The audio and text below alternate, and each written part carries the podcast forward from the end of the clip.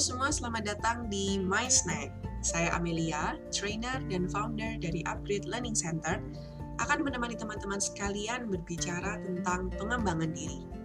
Ya, My Snack adalah makanan sehat untuk pikiran kita, sehingga kita bisa terus berkembang dan menjadi the best version of ourselves.